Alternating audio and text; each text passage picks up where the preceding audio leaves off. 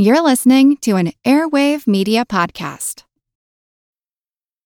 When it comes to weight loss, no two people are the same. That's why Noom builds personalized plans based on your unique psychology and biology. Take Brittany. After years of unsustainable diets, Noom helped her lose 20 pounds and keep it off. I was definitely in a yo yo cycle for years of just losing weight, gaining weight, and it was exhausting. And Stephanie. She's a former D1 athlete who knew she couldn't outtrain her diet, and she lost 38 pounds. My relationship to food before Noom was never consistent. And Evan, he can't stand salads, but he still lost 50 pounds with Noom. I never really was a salad guy. That's just not who I am. Even through the pickiness, Noom taught me that building better habits builds a healthier lifestyle. I'm not doing this to get to a number, I'm doing this to feel better. Get your personalized plan today at Noom.com. Real Noom users compensated to provide their story. In four weeks, the typical Noom user can expect to lose one to two pounds per week. Individual results may vary. As a longtime foreign correspondent, I've worked in lots of places, but nowhere as important to the world as China. I'm Jane Perlez, former Beijing bureau chief for the New York Times. Join me on my new podcast, Face Off US versus China, where I'll take you behind the scenes in the tumultuous US China relationship. Find Face Off wherever you get your podcasts. This is Kick Ass Politics. I'm Ben Mathis. Hey, folks, we're doing a new crowdfunding campaign at patreon.com backslash kickasspolitics. That's Patreon spelled P A T R E O N. With Patreon, you can pledge a certain amount each month, and in return for helping to sustain the show, you're going to get some great new benefits like back episodes, exclusive content, show merchandise, shout outs on the podcast, video hangouts, invitations to live events, and more. Again, go to patreon.com backslash kickasspolitics. Thanks for your support, and thanks for continuing to listen. And now, enjoy the podcast. Hi, I'm Ben Mathis, and welcome to the show. You're in for a treat today because I'm going to turn you on to one of my favorite podcasts and the host of it, the hilarious and ever so politically correct. I can't do that anymore. the hilarious and ever so politically correct Gilbert Gottfried.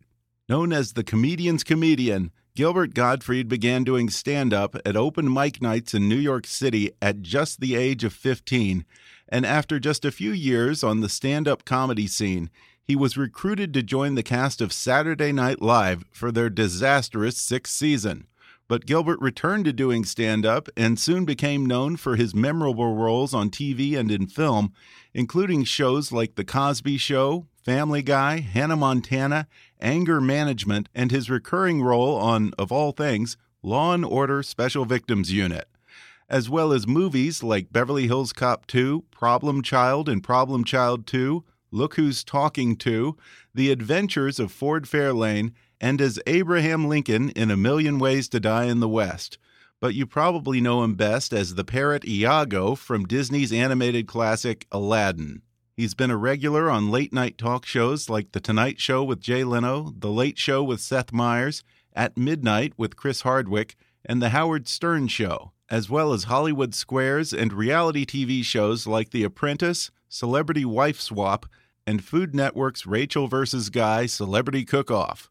Gilbert Gottfried has made numerous memorable appearances on the Comedy Central series The Burn with Jeff Ross and the Comedy Central Roasts, including his now legendary performance on the Comedy Central roast of Hugh Hefner, which inspired the documentary The Aristocrats. And most recently, he has a podcast on the Sideshow Network called Gilbert Gottfried's Amazing Colossal Podcast, where he and his co host, Frank Santopadre, talk about classic movies and TV with Hollywood legends and behind the scenes talents. Today, we'll cover some of those legends and the ongoing problem he has with his podcast guest kicking the bucket before they make it on his show. He'll do his impression of my recent podcast guest, David Steinberg, plus impressions of Vincent Price, early Larry David doing stand up, Old Lucille Ball and Senile Groucho. He talks about his lifelong battle with political correctness, from his joke at the Friars Club roast just two days after 9 11 to his tweets about the Japan tsunami that got him fired as the voice of the Aflac duck. He also talks about the living hell of working on the infamous season six of Saturday Night Live and how he found out that he got the axe from that gig. Plus, I verify the legend about Milton Berle. You know what I'm talking about. And fair warning, folks, while this interview is pretty tame by Gilbert Gottfried standards, it's still Gilbert being Gilbert. So you know what you're getting into. Coming up with the hilarious Gilbert Gottfried in just a moment.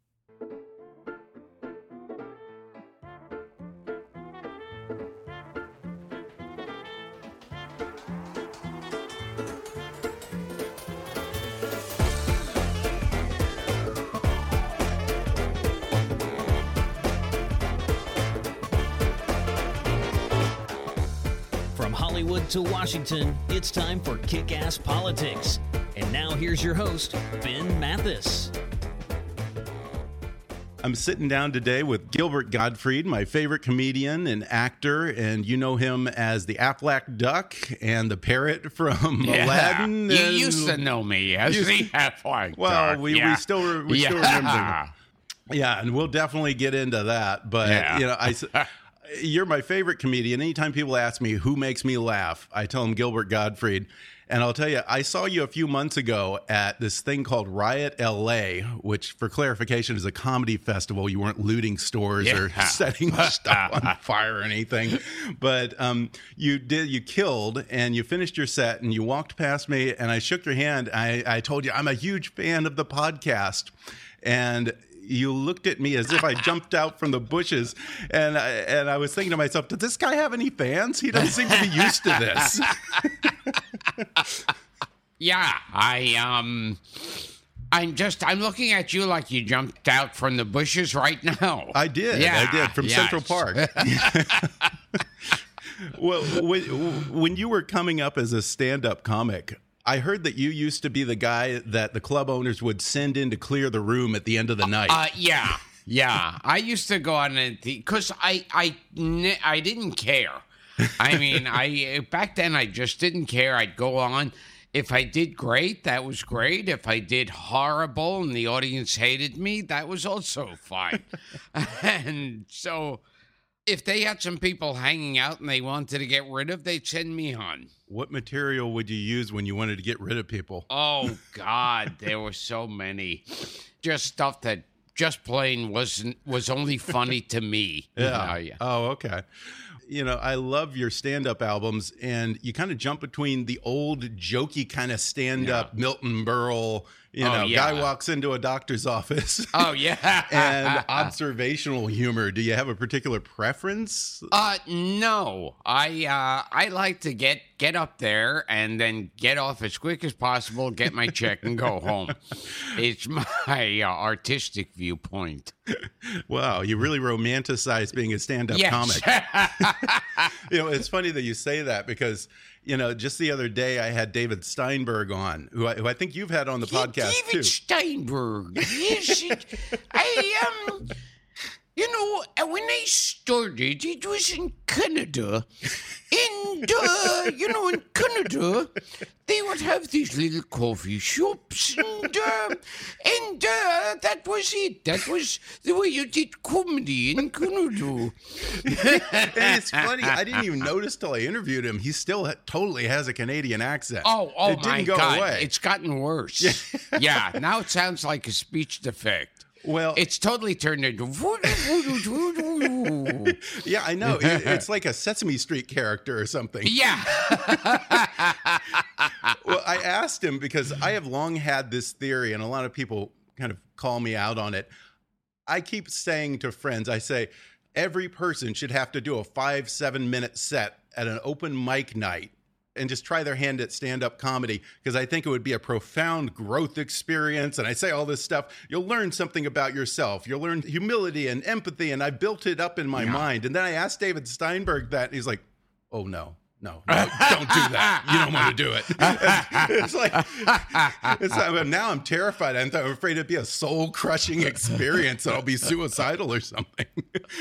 Yeah, it, it's kind of like, um, I guess how they want people like to jump out of a plane or something. and which reminds me, there was an episode. You talk about jumping the shark. And I, I had Henry Winkler on my podcast. Oh, we yeah, actually yeah. talked about Yeah. jumping the shark. Yeah, he's a sweetheart. Cause yo, yeah, yeah, he's Henry Winkler's. you are the most wonderful person I've ever met in my life. That's a lot like your Yeah. Gil, like your. Uh, that's a lot like your Vincent Price Yes. impression too. Uh, yes, and then Henry Winkler started going. The tingler is loose in the theater. Scream, scream for your lives. The tingler is loose. If it'll only let go of you if you scream. And and um, uh, but th- there was an episode of the Andy Griffith Show, and this What? shows where With Vincent Price. yeah, no, no. yeah, that special. Um, It's when the no, creepy effeminate guy comes to Yeah. uh, Mayberry and Andy has to hide Opie. Yes. Because, well, Vincent Price, I think he showed up on, um, what was it, the break the Brady Bunch or something? They were in You Hawaii. did a cam- you did a ton of cameos on everything. It Oh, seems. yes, yes. Yeah. But it, it wasn't Vincent Price in it. I just got uh, on the Andy Griffith show. Aunt Bee goes parachute jumping. I there don't was remember an that. episode Really? where, yeah, like a later, a later when they were in color. Was this when they were renegotiating her contract? They, something? it was a cliffhanger I- end of the as, season. As I remember, they did that really horrible, phony, uh, you know, sky oh in the yeah, in background. front of the screen. Yeah. Yeah, and and they had Aunt Bee go skydiving, and it's like you know you talked about jumping the shark. That's when it's time. Yeah, man, I've retire never that show. You're sure of this? I've never heard of this, yes, and I love that I show. bet you could look that up. I will. I'm definitely going to look that one up. Well, I'm curious. Who were some of the comedians that you came up with when you were starting out in the clubs? Oh God, let's see. They well, I would, I would, I was there starting way back, but along the way, oh well, Larry David was there. Okay. Um, uh, let's see. There was um, well, Bill Maher would come in, uh, Dennis Miller, uh, Paul Reiser, Jerry Seinfeld. Okay. So you you had a pretty good class there. Yeah. Now, what was Larry David like back then? Because everyone says that he was just such a pain in the ass as a comic. Oh yeah. He he would get angry. He would get angry At the even- audience or yeah. himself? Oh yeah. I think both. I think he's probably angry at himself and he took it out on the audience. and what was fun about watching him was he'd get into fights with audience members. That's how you win friends. Oh yeah, yeah. So uh, he, What would he fight about? uh, you know, if someone wasn't laughing or someone said something, he he would start fighting with people. And one time, They would was argue over whether he was funny or not. Oh yeah, and he one time he was yelling at some guy, and the guy said, "You want to take it outside?" And he said, "Yeah." And then this guy stood up, and he was a mountain.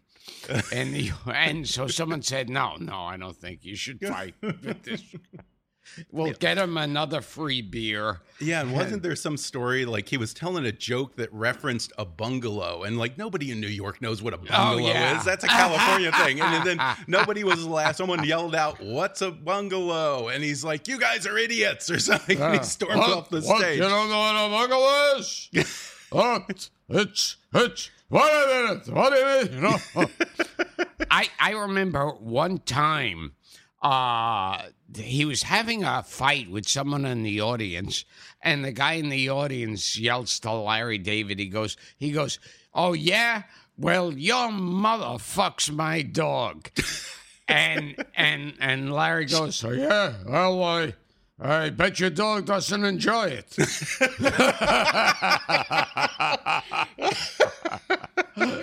oh my God, those must have been some fun years. Uh, I, I, I want to ask you something because you know I used to hang out at the old Friars Club in Beverly Hills when it was Oh, still. yeah. I was like the youngest guy. I was like probably twenty years old or something.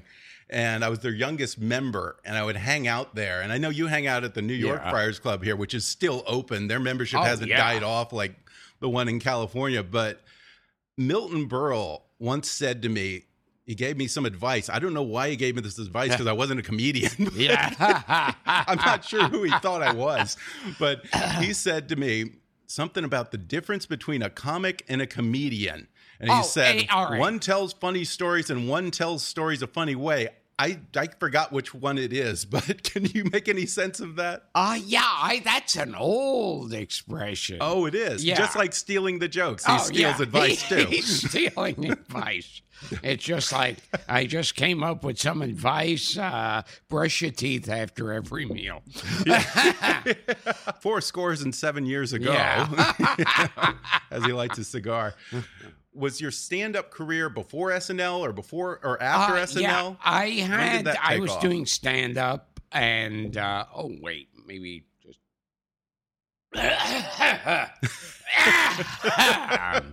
yeah, He's it's- revived. Is that is that how Yeah. you get the Gilbert voice yeah. going? No, it's it's sometimes early in the morning. It's not that early, but it's early for me. And and when I've done a show the night before, and sometimes I'll feel it.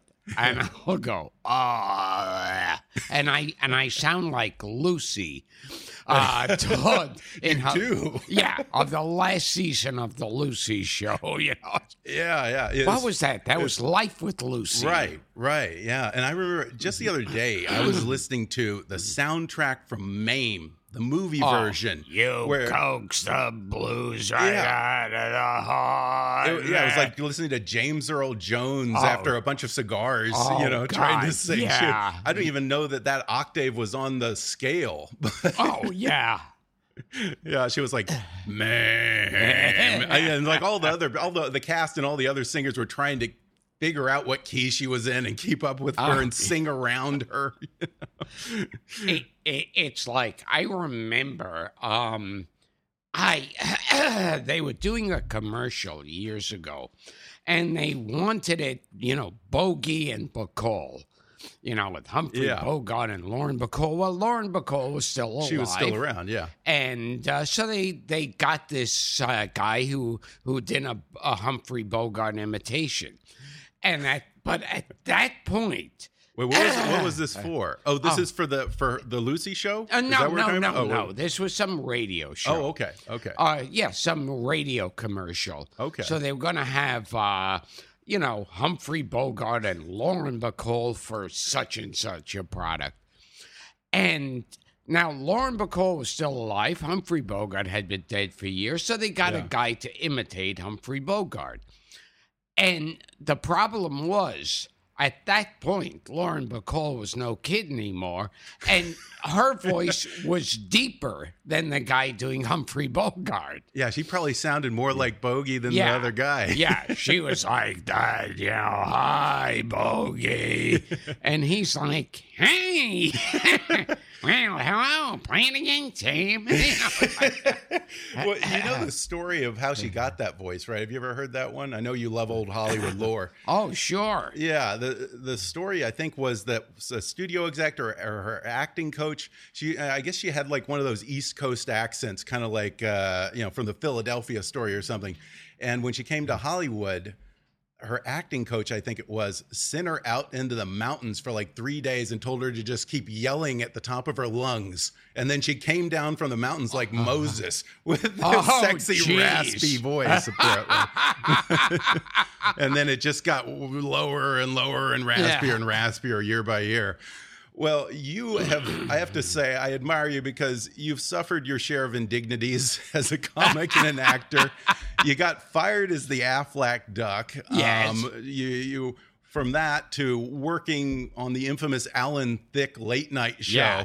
But First, first I was fired from uh, Saturday Night Live. That's what I was going to Yeah. say. Was that the was that the worst? Was that the most miserable experience No, of your life? Well, being on it was certainly miserable because it was the worst time to be on Saturday Night Live. right. It was after Lorne had left. Yeah, Lorne and Chevy and Belushi. And so it, it was kind of like if in the middle of Beatlemania, John Paul, George, and Ringo left. And you said, ah, now we've got four other schmucks. and uh, so people and the press hated us even before we went on the air. It was there were articles being written and people writing angry letters like, "How dare you continue this?" And it's funny because they still do that to this day. Like every two years, people start predicting SNL has jumped the shark. Oh yeah, yeah. well, yeah, you, you, I don't know what was it. Could they not find the niche for you, or what was oh, it? it was it that was pretty awful. And I remember what was funny is that they now when I watch Saturday Night Live, if and I, I don't I don't never watch it. I'm, um, I'm, it's one of those things like every couple of months I'm switching around and I'll stop. Yeah. yeah. And and I'll go whenever I find myself going, Oh, this sucks. Now if I were and then I go, wait a minute, I was there and it sucked even worse, you know. and you were totally different back then. oh yeah.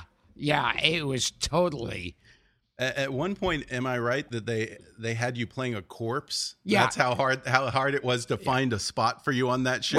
Well, I the writers hated me. I hated the writers, and I think they That's a good just wanted their revenge by having me as a corpse. You know, it's You're like, like, the least quiet guy I've ever Yeah. met, so I can't even picture that. You know, well- it saved money on getting a mannequin or something to throw in there. yeah. And how did you find out that you were fired from the show? Oh, yes. After 12 episodes. Well, first, I remember uh, at one point I was sitting in an office. It wasn't our office, it was just some empty office. Someone was out to lunch. And I was sitting there with Eddie Murphy, and we were talking. And then one of the girls who worked there pops her head in and she goes, Oh, Eddie, there's a call for you on line two. And he picks it up and he goes, Yeah, yeah. Oh, shit. No, no, no, no, I won't tell anyone. I'm not going to tell anyone. No, no. Okay, okay, all right. And he and before he even hangs up the phone, he goes, "They just fired Jean Doumanian." And that was the producer who Yeah, was subbing yes. in for yeah. Who who didn't Jean Doumanian did the the Woody Allen movies Oh, and a bunch of theater and Yeah. that kind of thing, but didn't really SNL wasn't the right niche. Yeah. Yeah. She so she was fired, and then we got Dick Ebersol Right. brought in. Who I think of And- as a sports guy. Yes, Yeah. yes. Perfect. So and and he brings us all around. He says, "Okay, uh, I'm the new producer. I'm going to make some change, little changes here. Nothing to worry about. Take a week off. Come back in a week. I'll we'll get together. I'll tell you." And then so when we're getting the, together, it's all separate. Everyone waits outside the office and goes in separately, and you see people coming out It's sometimes ominous. crying that they just been fired. Uh, so while I'm waiting out there, there's some desk where they used to dump all the fan letters. and from some girl in Omaha, uh, I see it's addressed to me. So I, I figure I'm killing time reading my fan letters. And I open up from this like teenage girl in Omaha or something. And she goes, Dear Gilbert, I'm so sorry about what happened to you. So you were the last one to know. Uh, yeah. Apparently. Yeah. yeah. you, you were all ready to strut in there and renegotiate your contract. wow. Well, yeah, that was pretty painful. Another Hmm. one that we referenced earlier was uh, the Aflac duck. For a Oh, number yes. of years, you were the voice of the Aflac duck, and you got fired over a few tweets, some, some tsunami jokes when Yeah. the, the tsunami hit in Japan, the Fukushima meltdown, and all that stuff. Um, were they very classy about it, Aflac? uh, I found out I got fired on the internet. Yeah. Yeah, they didn't call me Well, personally. Thing I- is, look how far we've come from Oh, fan yes. letters to, to emails. So they fired me and and milked it for all the publicity they could get, and then hired a, a, a guy to imitate my voice for less money, thus bringing closure to a horrible tragedy.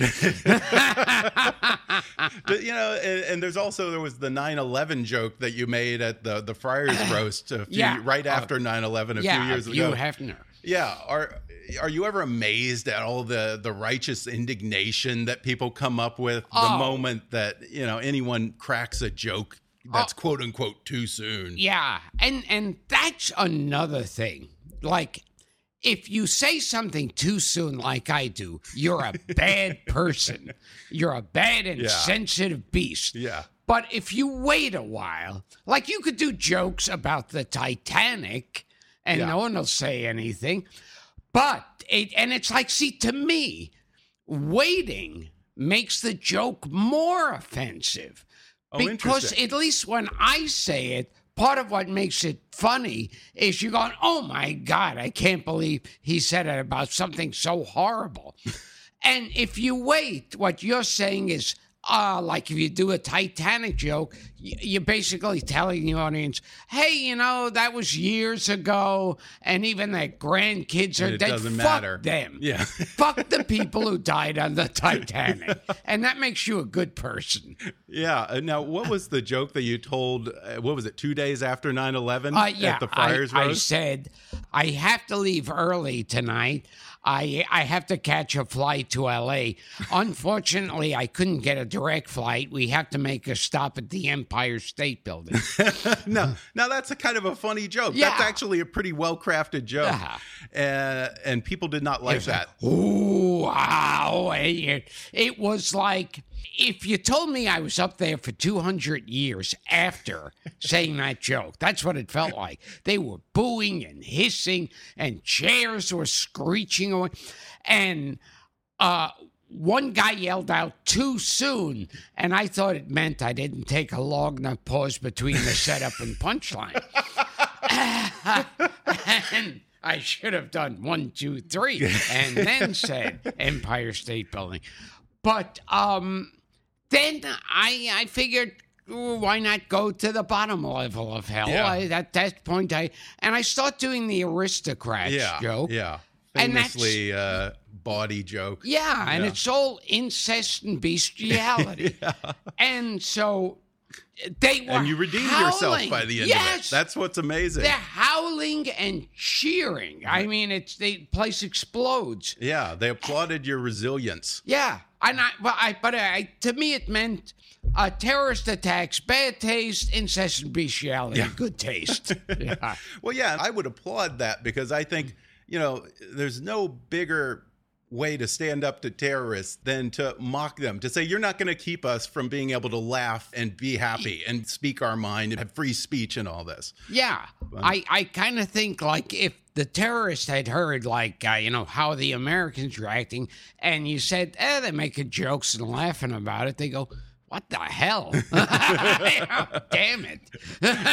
They're supposed to be hiding under their couches now. Yeah, yeah, they're afraid of Gilbert Gottfried. Yeah. We're going to take a quick break, and then I'll be back with more with comedian Gilbert Gottfried. We'll be back in just a moment.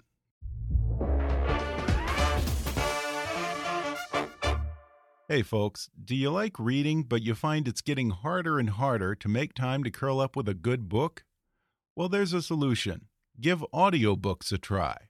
They're perfect for your commute to work or if you're working out at the gym, a relaxing bath, or any time really. And right now, you can take an audiobook for a spin with a special promotion just for our listeners from audible.com. Just go to audibletrial.com backslash kickasspolitics to get a free 30-day trial and download any of Audible's 180,000 titles. That's audibletrial.com backslash kickasspolitics. Or click on the sponsor link on our webpage to download the free audiobook of your choice. And now back to more with the hilarious Gilbert Gottfried. you have this fantastic podcast that you started, I guess, around the time that I started my podcast. It's called the Amazing Colossal Podcast. And you, I guess it's an extension of your lifelong love of old movies and old TV shows Oh, and yeah. old Hollywood that goes back to childhood, huh? Yeah, because well, when I was a kid, I remember the best film school in the country was in your living room because they used to fill it with old movies, and like one channel would have the old gangster Bogart, Cagney, and Robinson movies, and then the next channel would be like the the Universal horror films, and they you'd, you'd even see like they'd All even the show silent films. Oh, really? On, ne- on network television or oh, local Oh yeah, stations? I mean everything popped up then. before TCM. Yeah, and the most obscure things they just need filler, and and I became fascinated with old movies, and uh, and then they had the variety shows. Oh yeah, yeah, yeah. You're a big both- fan of those. Oh, both Yeah. old and new stars were Yeah. on that, and that fascinated me. Yeah, and it's such a fun podcast because you have all of these old stars, old comedians, old actors, songwriters, writers, and it's kind of like you're archiving stories. Oh, the, the great stories of entertainment in Hollywood, and it's so fascinating that, and it's great that someone's doing that. Oh that these yeah. stories won't die with the people because your guests are dying off. Oh. you know, you're well aware of that. Oh, I I don't know how many times I've had an idea and I'd say, "Oh God, you know who I'd love to have on the podcast," and I'll write their name down on a piece of paper and they'll die. They'll, they'll they'll die before I get to the last name. Before I've written down the last, because I mean it is. I I we Yeah. were going to have Jack Carter on the show, Right. and he he died. Um, this old character actor William Schallert, uh, he died when after he agreed to do it. Well, yeah, and when Jack Carter, let's say, canceled canceled his appearance, um, you brought in instead Pat Cooper, who's kind of in a similar vein. Yes. And he he's one of those ones. I love it when you have a guest who I feel like they they're wheeled in with an oxygen tank. Oh yeah. and it's these old show folks who seem to just be hanging on because they still have a bunch of axes to grind with people. Oh, yeah. And they use your show as like to go off on everyone who's ever done them wrong. And it's like you're like, oh, you know, how what was it like on this movie? And it's like you know, they'll be like, oh, Milton Berle is a son of a bitch. Oh, yeah. he stole my act, or so and so still owes me five hundred dollars. Ah, I met this guy. Uh, the uh, oh God, what is his name now? Damn, the amazing something. Uh, Carl Ballantine. okay. The amazing. I don't even know that name. legendary Carl. He's one of these guys. I think he was in McHale's Navy, and he's popped up in movies and TV shows. If you saw him, you'd recognize the voice, like a big, kind of grumpy Jewish guy with a putty face, and and he he I, he was very funny. He used to do a made up magic act, you know, where he'd do these tricks that all go wrong, and he'd mutter something angry, go on to the next trick, and he was very funny. So I met him one time, and I was talking to him, and to that day, Mm, decades later, he hated Jerry Lewis because he was opening for Martin and Lewis, so that's how far back it is. Wow. wasn't Yeah, that even is old. Jerry by himself, and it was an outdoor arena, and it was raining out. And Jerry said to Carl, he goes, you know, go out there. The crowd's gonna be or start to riot if there's nothing going on. And he goes, No, I'm wearing a tux. It's raining out there. He goes, and Jerry goes, I'll buy you a new tux. And he goes out and his tux is ruined, and Jerry never bought him a new tux. and and to this day he remembers oh every God. word. Yeah, it's always funny. You get these old people who they, they just won't let go of stuff. Oh, yeah. I feel like that's the only thing keeping them alive. now, Jerry, is Jerry one of the big gets that you would like to get? Because I know that you really love Jerry. You Oh, talk yeah. about him all the time on the show. Yeah, I, I'd love to have him on, but that's like, uh, I guess what they'd call a hard get. Well, and he, Yeah. but he likes you apparently. Yeah, he seemed to be nice, but I don't know if that uh, translates into Yeah. coming on my podcast. Yeah. Well, you know, one of the things about your show is you have a penchant for ribald tales of old Hollywood stars' sex Yeah. lives. Uh, there's the Danny Thomas story, which I won't get into because my mom listens to this. My mom from Texas, you know, who's so she's somewhere between Margaret Dumont and like you know the Queen in terms of, you know, and I know that she'll totally listen and she'll laugh, but then she'll tell me, oh, I don't know. You know, uh, there's the Paul Lynde story, which I love. And then I wonder, is this your personal favorite, the Cesar Romero story? Oh, story? yes, yes, Okay, Cesar Tell us about Cesar And, Romero. um, when, and also, of course, any chance we have to talk about Milton Berle's penis. oh yeah, Yeah, we'll get into that. yeah, I can, I, yeah. I can verify the stories about Milton Berle because Yeah. when I was at the Friars Club, like I said, I was the youngest guy, and the problem is. I have the exact same story as Jeff Ross, the same story that he told on your show, Yeah. the comedian, because Milton was really old. He wasn't getting around very well. And I would sit at his, he would have a big table with a lot of people. I would sit there at lunch and then, you know, it kind of peter out. And around 2.30 or so, you know, I was the last person left. And he asked me to help him to the bathroom because he didn't get, get around very well. Oh, geez. Literally the same story as Jeff Ross. So I help him to the bathroom and you know, I'm almost wondering if this was some kind of come on, the fact that it comes up twice with two different people, the exact same situation. But yeah, so he goes to the bathroom, he whips it out, and yeah, yeah the, the, the legends are true. Oh, geez, so you saw it. Yeah, yeah, yeah, I did. It, it was it was the size of a five year old. but you know, the only reason I knew this because it's it's not a big secret. Everyone in Hollywood knows. Yeah, that, uh, everyone has Milton seen Berle it. has his famous appendage. I, it was even referenced on Friends once. Believe it or not.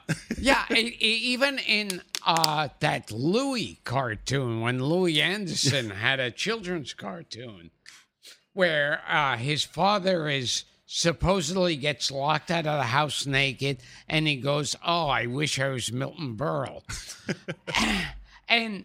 It it is. I mean, this is one of those that Yeah. that there are so many of these legends that no one can uh, actually. Verify. Yeah, Yeah. But boy, Berle's penis. yeah.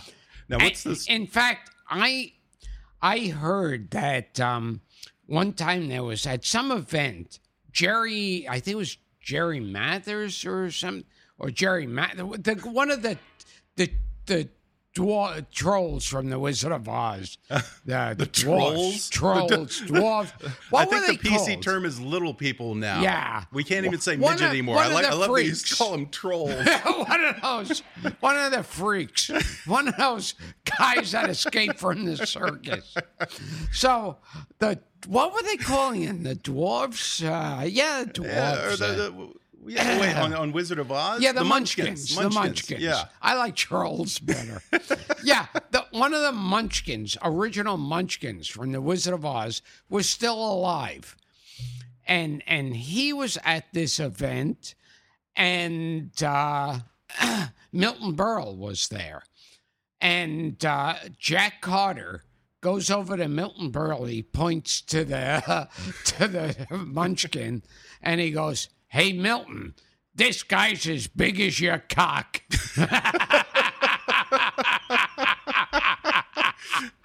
Well, t- you know, I know you have to go pretty soon, but uh, tell us the Cesar Romero story.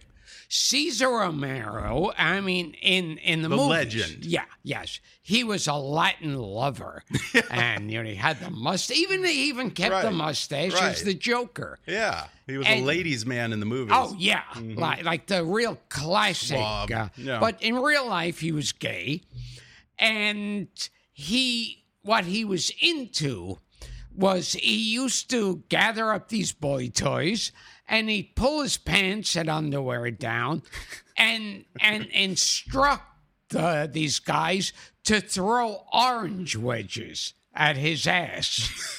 Now, some say tangerine wedges. It, so, so there are some uh, arguments. Yeah, the subject of much debate among film critics and citrus Yeah. experts. And, Yeah. and one other person told me that uh, he would stand ankle deep in warm water while he did this. I'm, st- I'm still trying to imagine what that does did for him, I, but I, yeah, I don't know when you wake up one day and go, hmm, you know, it would be a turn on. well, I always feel bad for these people when you start telling these stories on the on the show because they're all these unverified legends, and I feel bad for like Danny Thomas and these guys because it's like you you have this prolific career, you do all of this great work, all this humani- humanitarian work and charities and St. Jude's Yeah. and all this.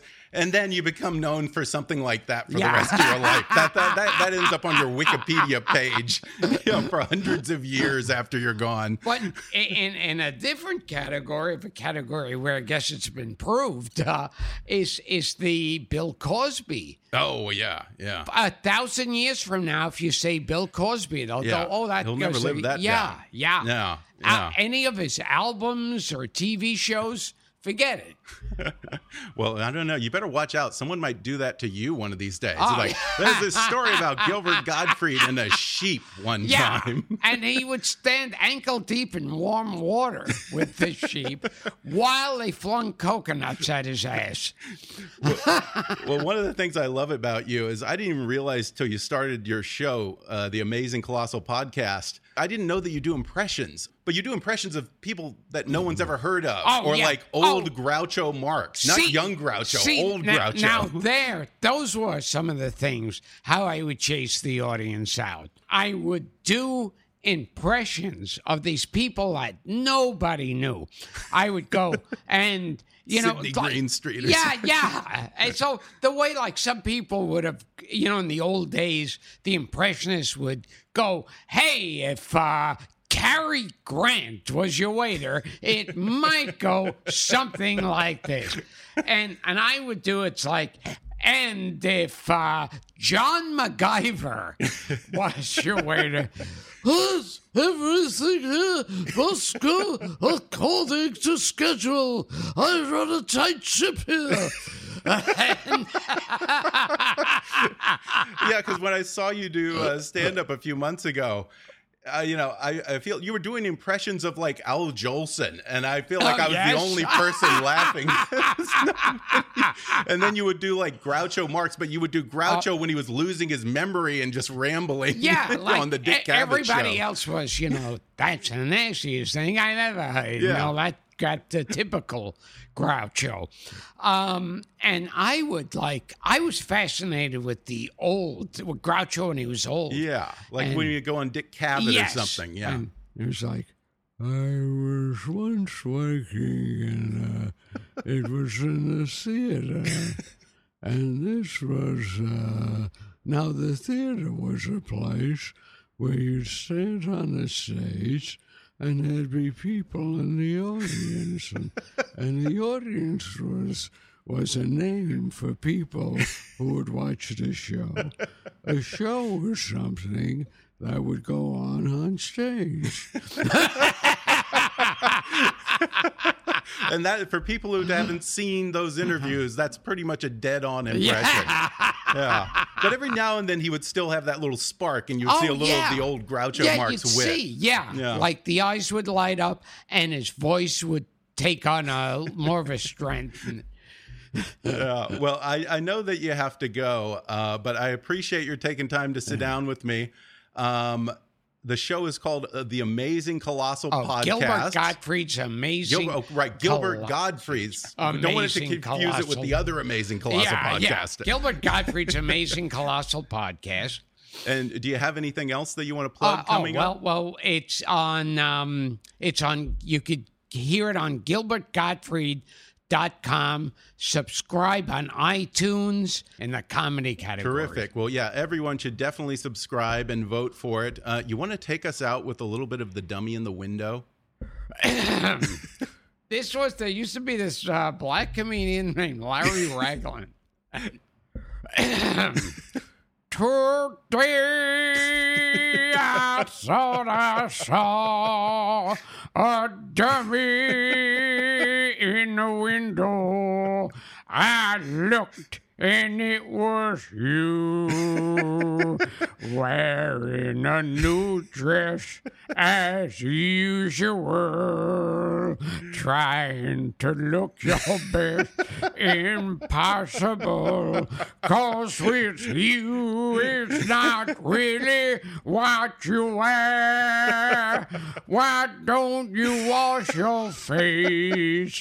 It's a disgrace. And that was part of his comedy act? Yes, yes. Good God. That was my favorite part of it. All right. Well, Larry Ragland and Gilbert Gottfried. Gilbert, thanks so much for sitting down with me. That was this has been way too much oh, fun. Oh, and, and my Twitter is at Real Gilbert. Okay, at Real Gilbert. Twitter's Definitely an expensive hobby to have. That's right. Yeah, yeah, that's right. That's how you last lost the Aflac duck. Are, you- are you care, more, are you more careful about your tweets now? Uh, n- and no, well, it's like I always say. I, now I think twice about it, but I do it anyway. Well, are you are you the guy who censors Donald Trump when he tweets too? Gilbert, I love it. You're too much fun. Thanks so much. Oh, much. thank you. All right. Bye bye. Thanks again to Gilbert Gottfried for coming on the podcast. I swear I never laughed so much in my life. If you enjoyed my talk with Gilbert, and you know you did, you can subscribe to his podcast on iTunes. It's called Gilbert Gottfried's Amazing Colossal Podcast. I'll also include links for that in the show notes and on our website. His comedy album, Gilbert Gottfried Dirty Jokes, is also available on iTunes and Spotify. You can get the latest on Gilbert and his upcoming live appearances at gilbertgottfried.com and check out his podcast site at gilbertpodcast.com. You can also follow him on Twitter at, at RealGilbert. Please subscribe to Kickass Politics on iTunes and leave us a review while you're there. And you can also help us reach our fundraising goal for the year and get rewarded by donating to our Patreon campaign at patreon.com backslash kickasspolitics. Follow us on Twitter at, at KAPolitics or visit Kickass Politics on Facebook. And while you're there, recommend Kickass Politics to your friends on your social media. And as always, I welcome your comments, questions, and suggestions at comments at kickasspolitics.com. But for now, I'm Ben Mathis, and thanks for listening to Kickass Politics.